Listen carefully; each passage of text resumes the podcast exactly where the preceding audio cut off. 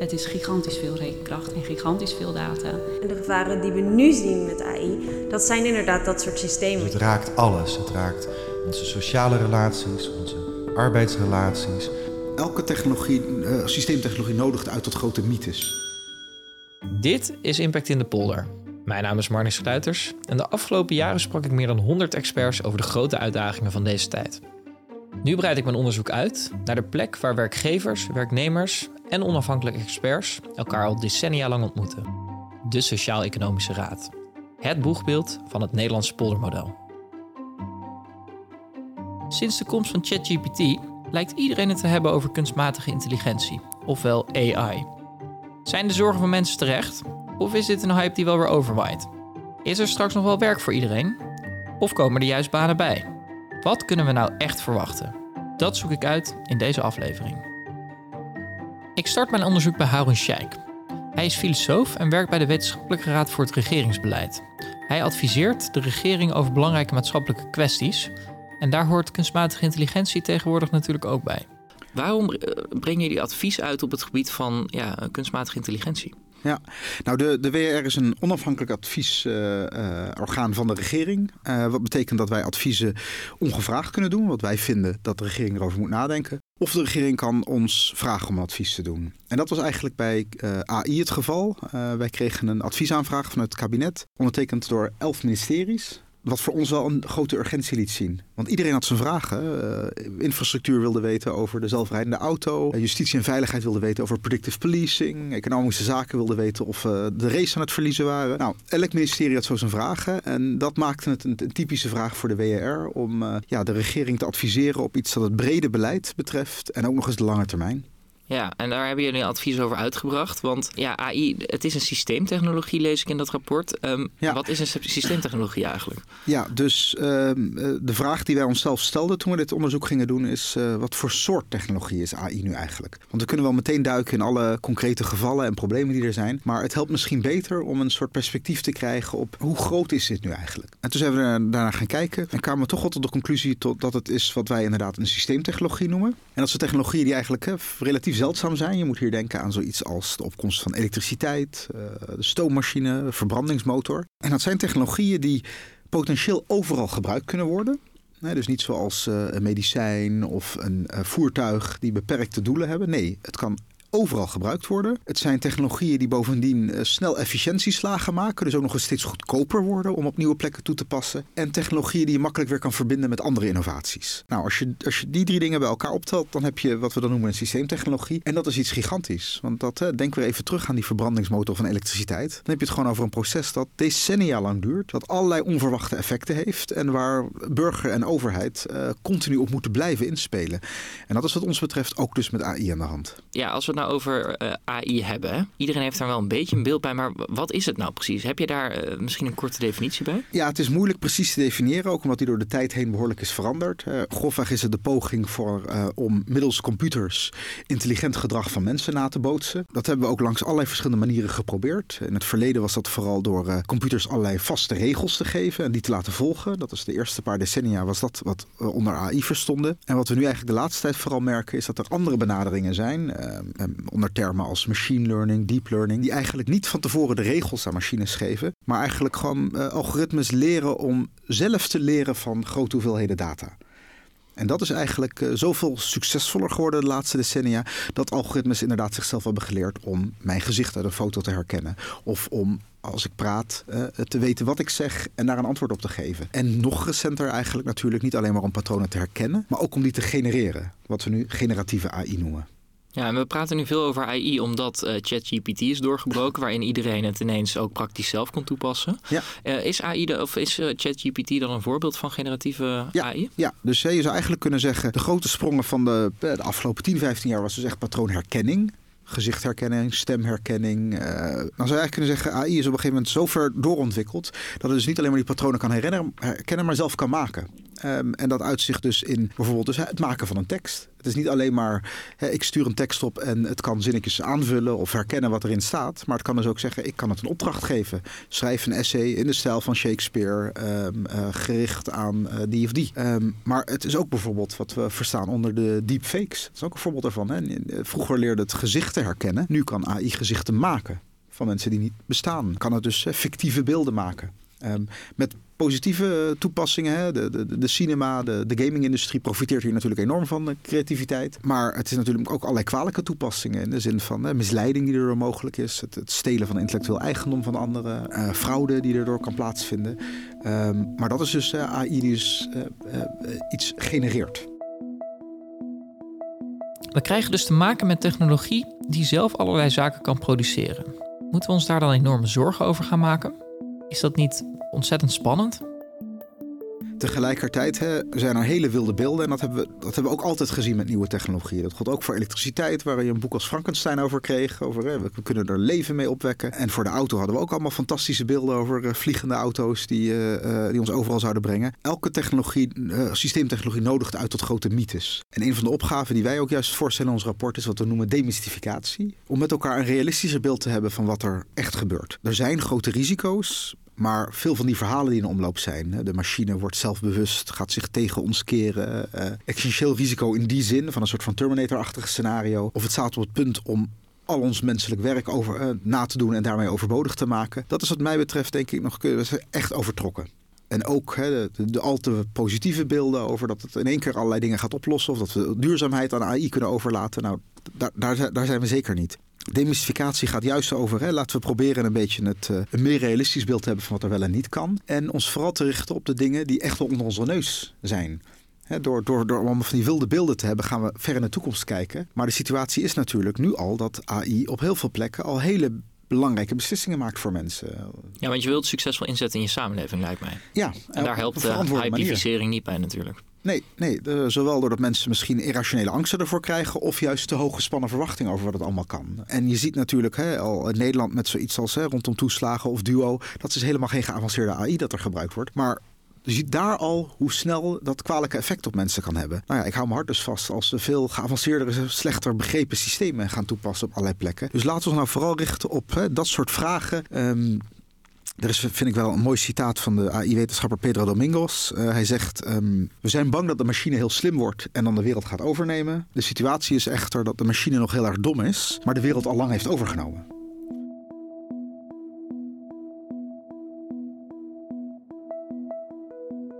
Dit is natuurlijk ook bij uitstek een probleem wat in de mondiale context plaatsvindt. Hm. Um, we kunnen zeggen van we doen niet mee als Nederland. Ja, daar gaat AI niet zo heel veel om geven, denk ik. hoe speelt die rol hier? Want dit moeten we denk ik ook op als Europa samen gaan ja. reguleren. En daar gebeurt natuurlijk daar gebeurt ook al veel op. Europa is misschien wel de plek uh, waar het meest wordt gepoogd om AI te reguleren. Um, ook zijn er initiatieven in China en de VS, de twee andere grote leiders hierop. Maar dat zijn toch vooral ook landen die, die nou, toch echt wel de grenzen en die, die heel erg in een competitie met elkaar ook proberen juist uh, vooral de innovatie zoveel mogelijk te stimuleren. Europa is daar wat uh, voorzichtiger in. En er is nu bijvoorbeeld al, al even een AI-act in de maak. En dat, dat, dat, dat is een Europese wetgeving die erop gericht moet zijn eigenlijk om vooral risicovol gebruik van AI te reguleren. Dus het gaat dan niet over de techniek zelf, maar het gaat vooral over... stel je wil AI gebruiken in de zorg of in je energienetwerk... of bij overheidsdiensten. Hoe hoog is het risico en wat moet je dan eigenlijk doen om dat risico te ondervangen? En hoe hoger het risico, hoe meer eigenlijk extra uh, garanties je moet hebben. Um, en daar is de Europese Unie inderdaad nu druk mee bezig. De kunstmatige intelligentiewet dat, uh, die geeft nieuwe regels over het gebruik van kunstmatige intelligentie. En met name over hoe kunstmatige intelligentie ontworpen wordt. Zo, dus uh, in Europa hebben wij uh, producten. Je hoort Kim van Sparretak, Europarlementariër van GroenLinks. Ik heb haar opgebeld. Ze was namelijk een van de onderhandelaars over de nieuwe AI-wetgeving in Europa. Ik vraag haar wat ze precies willen bereiken met deze wet. Nou, deze wet kijkt naar kunstmatige intelligentiesystemen die worden gebruikt uh, in hoogrisicogebieden. Dus bijvoorbeeld in het onderwijs, maar ook um, door publieke autoriteiten. En als zij een hoog risico hebben, bijvoorbeeld omdat ze bepalen of jij wel bijstand krijgt of kinder kinderopvangtoeslag. Um, dan moeten we ervoor zorgen dat dit soort systemen uh, gewoon het doen. Um, en dan komen er dus uh, bepaalde verantwoordelijkheden voor de makers van dit soort systemen. Ze moeten zorgen dat de data die ze gebruiken, dat er geen bias in zit. Dat ze de juiste, aan de juiste knoppen hebben gedraaid om ervoor te zorgen dat er ook fatsoenlijke antwoorden uitkomen. En daarna moeten ze nog goed getest zijn. En op die manier proberen we ervoor te zorgen dat als er gebruik wordt gemaakt van kunstmatige intelligentie en dat eventueel een effect kan hebben op mens of milieu of gezondheid, dat die systemen gewoon hun werk goed doen. En wat wij voor elkaar hebben gekregen in het Europees Parlement, is dat we ook nog gaan kijken hoe dit soort systemen specifiek gebruikt worden. En hebben wij geëist dat er ook een mensenrechtentoets moet worden gedaan. Want we weten natuurlijk in Nederland precies hoe het mis kan gaan met AI. Dankzij de kinderopvangtoeslagen-schandaal. Uh, en um, we moeten er gewoon voor zorgen dat dat nooit meer kan gebeuren. Dus wat wij hebben gezegd in het Europees Parlement: oké, helemaal prima als het systeem fatsoenlijk werkt. Uh, dat. Uh, kindertoeslagopvangsysteem uh, werkte ook perfect. Het moest namelijk fraudeurs vinden en dat heeft het ook gedaan. Uh, maar laten we alsjeblieft dan ook nog even kijken wat voor effect dat precies heeft in de echte wereld met een mensenrechtentoets. Overheden gebruiken AI dus al langer. En dat kan ook goed misgaan, zo weten we in Nederland maar al te goed. Zoals Haroon al liet weten, die computer is misschien nog best wel dom, maar beheerst ons al lang. Misschien zit hier wel het echte gevaar. Ja, de grote zorg is inderdaad natuurlijk, die we horen in de media vooral, van die grote systemen zoals ChatGPT die uiteindelijk de wereld gaan overnemen en robots uh, die uh, uiteindelijk de, de wereld gaan leiden. Maar eigenlijk de, ja, de concrete problemen die we nu al zien en de gevaren die we nu zien met AI, dat zijn inderdaad dat soort systemen die gewoon beslissingen maken over mensen. Waarbij mensen dan op een gegeven moment tegenover een computer staan en waar moeten bewijzen dat zij niet hebben gefraudeerd, terwijl de computer dat zegt. Um, dus dat zijn juist ook heel erg de, de soort systemen waar wij naar hebben gekeken in, uh, in de wetgeving. En is dat dan genoeg? Ik denk dat dit een hele belangrijke eerste stap is. Omdat we voor het eerst eigenlijk gewoon überhaupt die systemen reguleren. Zorgen dat zij zich aan bepaalde standaarden moeten houden. Um, en we daadwerkelijk er ook voor zorgen dat mensen nooit meer met lege handen kunnen staan. Dus als er een AI-systeem is gebruikt om een beslissing te maken die een impact heeft op jouw leven, um, dat je nooit meer met lege handen staat. En dat is wel een ontzettend belangrijke eerste stap in de regulering van AI. Ja, dat lijkt me ook. Um, en in een ander interview heb ik jou een keer horen zeggen dat je zei van ja, het internet, dat is stuk. Hoe gaan we nou voorkomen dat we dit over een aantal decennia ook over AI zeggen? Ja, ik heb wel eens gezegd dat het internet stuk is, omdat we daar gewoon jarenlang hebben gezegd: Oeh, innovatie, cool. Laten we vooral geen regels maken, want dan gaan ze lekker daarmee door. En ondertussen nou, zien we wat, daar, uh, wat daaruit is gekomen. Uh, verslavende apps die desinformatie uh, naar ons toesturen. Dus het lijkt me niet echt iets, iets heel positiefs. Um, en als het gaat over kunstmatige intelligentie, merk je gewoon dat die techbedrijven precies hetzelfde proberen te doen. Nee, maar wij zijn fantastisch en wij doen alles al zo goed en we hebben die wet helemaal niet nodig. Wij zijn, wij zijn zelfs beter dan die wet. En als ik dan vraag, um, Oké, maar dan is het toch prima als wij met een wet komen. Nee, nee, nee, maar geef ons nou maar vrijwillige richtlijnen waar we ons, aan moeten houden. Um, ik hoop toch echt dat we dat nu niet meer gaan doen. En gewoon zeggen: nee, jullie houden je maar aan de regels. En we gaan er gewoon voor zorgen dat we die ontwikkeling van AI in goede banen leiden. AI in goede banen leiden. Dat lijkt me een goed idee. Wat gaat AI dan daadwerkelijk betekenen voor onze samenleving en voor ons als individueel mens? Lijkt me interessant om daar meer over te weten. In mijn zoektocht kom ik Linda Kool tegen. Zij werkt bij het Ratenau Instituut. Linda, jij bent uh, actief bij het Ratenau Instituut. Uh, wat doe je daar precies en ja, wat is dat Ratenau Instituut? Ja, ik, ben, uh, ik werk als onderzoekscoördinator bij het Ratenau Instituut. Uh, ik begeleid een team van onderzoekers dat zich bezighoudt met de digitale samenleving, eigenlijk de maatschappelijke impact van uh, allerlei digitale technologieën op de samenleving. En ja, dat vloeit ook eigenlijk direct voort uit de taak die het Ratenau Instituut heeft. Wij zijn opgericht om de politieke en publieke oordeelsvorming over wetenschap, technologie en innovatie te stimuleren. En dan had ik het met Haroon Sheikh over demystificatie, als ik het goed zeg. Waarin hij eigenlijk vertelde dat we heel veel beeld hebben van AI. Dus dat we de grote waanbeelden zien alsof we nooit meer nodig zijn. En dat het ons misschien wel gaat opvreten. En aan de andere kant dat AI helemaal niks met ons als eh, mensheid gaat doen. Um, hij wilde van beeld naar begrip. Dus dat we wat meer zien wat AI echt daadwerkelijk kan betekenen voor ons. Uh, is dat dan ook iets wat jullie proberen uh, ja, toe te passen? Dat er goede informatievoorziening komt? Ja, zeker. Dus een, een bodem onder het debat. Uh, informatie uh, waarmee je de technologie kan begrijpen, waarmee je uh, de invloeden kunt begrijpen. En vervolgens, ja, hoe je het dan wil sturen, dat is vaak natuurlijk ook een politieke keuze. Zijn politieke partijen niet over eens. dus die afwegingen proberen wij ook zichtbaar te maken. En op zich is het bij AI natuurlijk altijd wel apart dat daar hele ja, allerlei wilde beelden eigenlijk rond zweven. Maar zodra we AI kennen in ons dagelijks leven, bijvoorbeeld een zoekmachine, dan vinden we helemaal niet. Ja, dan is dat gewoon een zoekmachine en dan noemen we het ook niet meer AI. Dus daar gebeurt blijkbaar altijd iets aparts. Datgene wat we nog niet kennen of datgene wat net nieuw is, of dat er nog aankomt, dat is AI. Maar als we het al gebruiken, dan, nou ja, dan zijn we eraan gewend. Ja. En als we het nou hebben over werk, hè, dan regeert soms ook wel, of dan, dan hebben we soms ook wel de grote angst dat, en dat hebben we volgens mij bij iedere grote technologische innovaties wel, maar dat de mensen eigenlijk niet meer nodig is in het werk. Hoe reëel is deze angst? Ja, het echte antwoord is natuurlijk dat we het niet weten. Um, in die zin kunnen we alleen naar het verleden kijken. En dan zie je eigenlijk een aantal dingen. Dus aan de ene kant zie je de angst voor technologische werkloosheid steeds bij een technologische revolutie terugkomen. Um, en je ziet ook dat op macroniveau die angst eigenlijk nooit bewaarheid is geworden. Um, maar dat is niet het hele verhaal. we zien dat uh, nou ja, banen zijn bundels van taken. Um, en delen van die taken, of een aantal van die taken, kunnen geautomatiseerd worden of gemechaniseerd in het verleden. En dat betekent dat een aantal banen, hè, waarbij bijna alle uh, taken geautomatiseerd kunnen worden, die verdwijnen. Uh, met name uh, veranderd werk. Um, en er komen nieuwe banen bij. En die baanverandering en die nieuwe banen, die vragen eigenlijk om nieuwe vaardigheden. En tot nu toe is het dus eigenlijk steeds gelukt om de beroepsbevolking op te leiden via onderwijs voor die nieuwe vaardigheden. Of om te herscholen en te omscholen. Uh, grosso modo. Er zijn natuurlijk ook steeds kwetsbare groepen geweest op de arbeidsmarkt die extra bescherming nodig hadden. Uh, dus grofweg kun je zeggen, nou ja, als we naar het verleden kijken, hebben we eigenlijk drie dingen nodig. We moeten experimenteren met die technologie over hoe we het op een goede manier kunnen gebruiken. Uh, we moeten investeren in scholing. Uh, nieuwe vaardigheden die nodig zullen hebben voor de veranderende en de nieuwe banen. En zicht krijgen op welke groepen kwetsbaar zijn. Um, ja. ja, en dus heel goed in de gaten houden welke effecten je op de arbeidsmarkt ziet. Ja, want ik kan me voorstellen dat die effecten groot zijn. Kun je dat onderbouwen ook met cijfers? De organisatie uh, Economische Samenwerking en Ontwikkeling... die uh, houdt het eigenlijk al, de impact van AI op de arbeidsmarkt al een tijdje bij. En zij rapporteren eigenlijk sinds 2019 een stijgende lijn van banen die gevoelig zijn voor automatisering door kunstmatige intelligentie. Dus in 2019 kwamen ze op een cijfer van 14 procent. En uh, dit jaar uh, rapporteren ze een cijfer van 27 procent. Dus het zijn banen die gevoelig zijn voor automatisering. Daar zit generatieve AI niet in.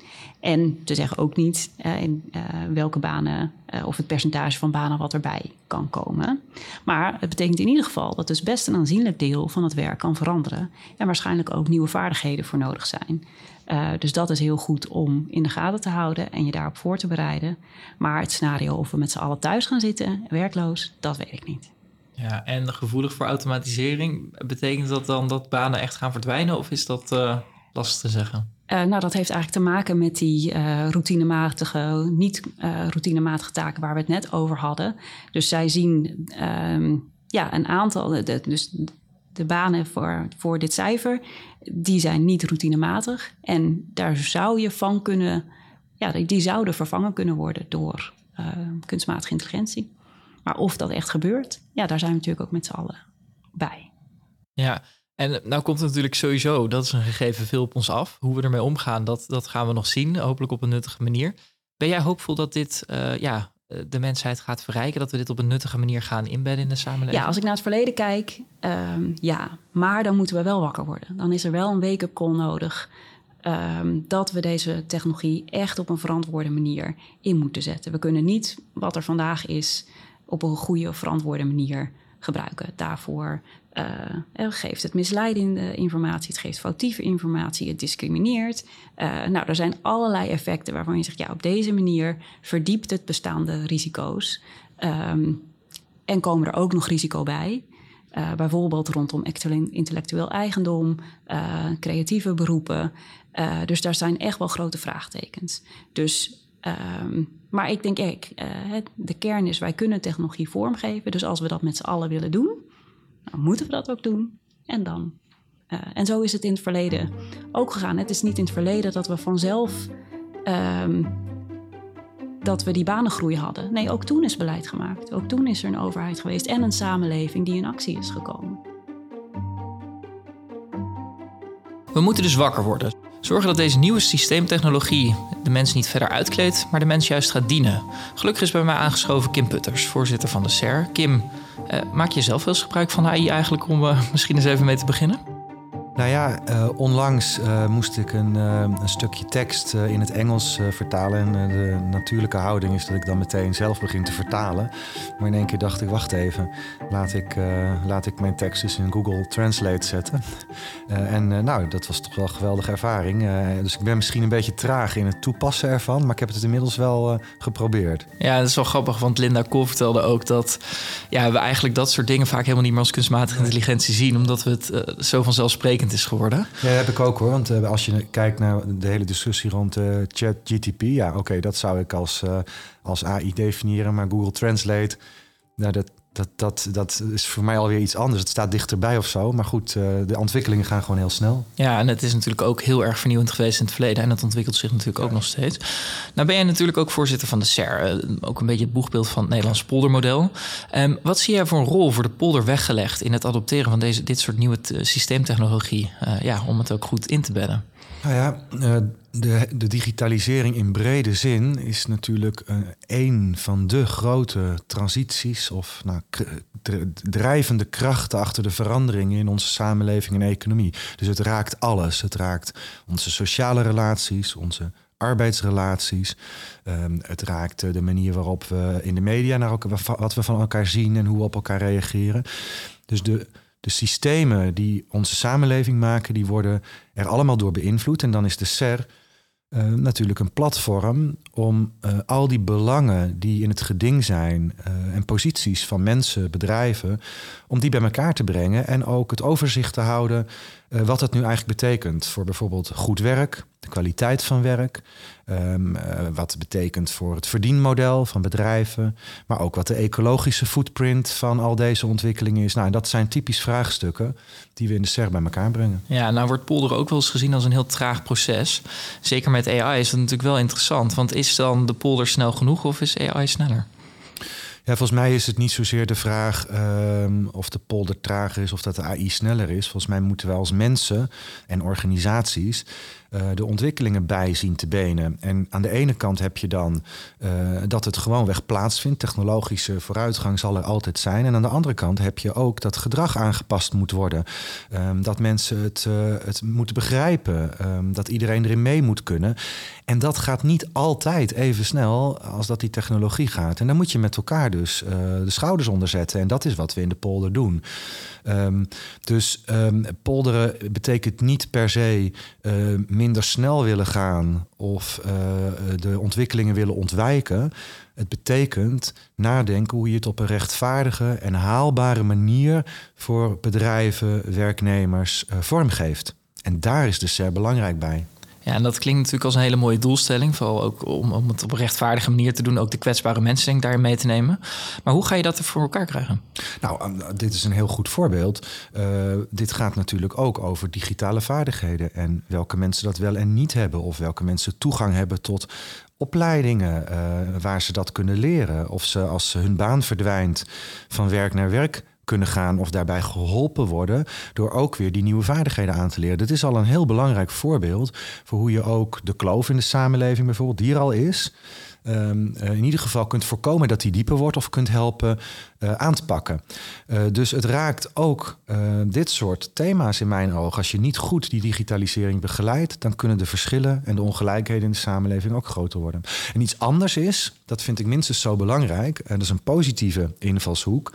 We moeten geen kansen missen. Kijk, ontwikkelingen kunnen ook zo snel gaan dat mensen de kansen niet meer zien die er onderweg geweest zijn om er bijvoorbeeld geld mee te verdienen, om uh, een publieke voorziening beter te maken, zoals de gezondheidszorg. Dus soms moet je ook even stilstaan, reflecteren en nadenken welke kansen kunnen we hier benutten. Ja, en het zit dus in al onze systemen, zeg je heel mooi. Maar welke bepaalde zaken komen dan nog niet voldoende naar voren in deze discussie? Nou, ik vind dat de gedrags- en sociale kant. Uh, die is wel erg belangrijk en mag in ieder geval meer aandacht krijgen. Uh, de SER heeft nog niet zo lang geleden een advies uitgebracht over sociale innovatie. Um, nou, wat zoveel wil zeggen als dat ja, de technologische vooruitgang, die is er. En die zal ook nog in de versnelling kunnen gaan de komende periode.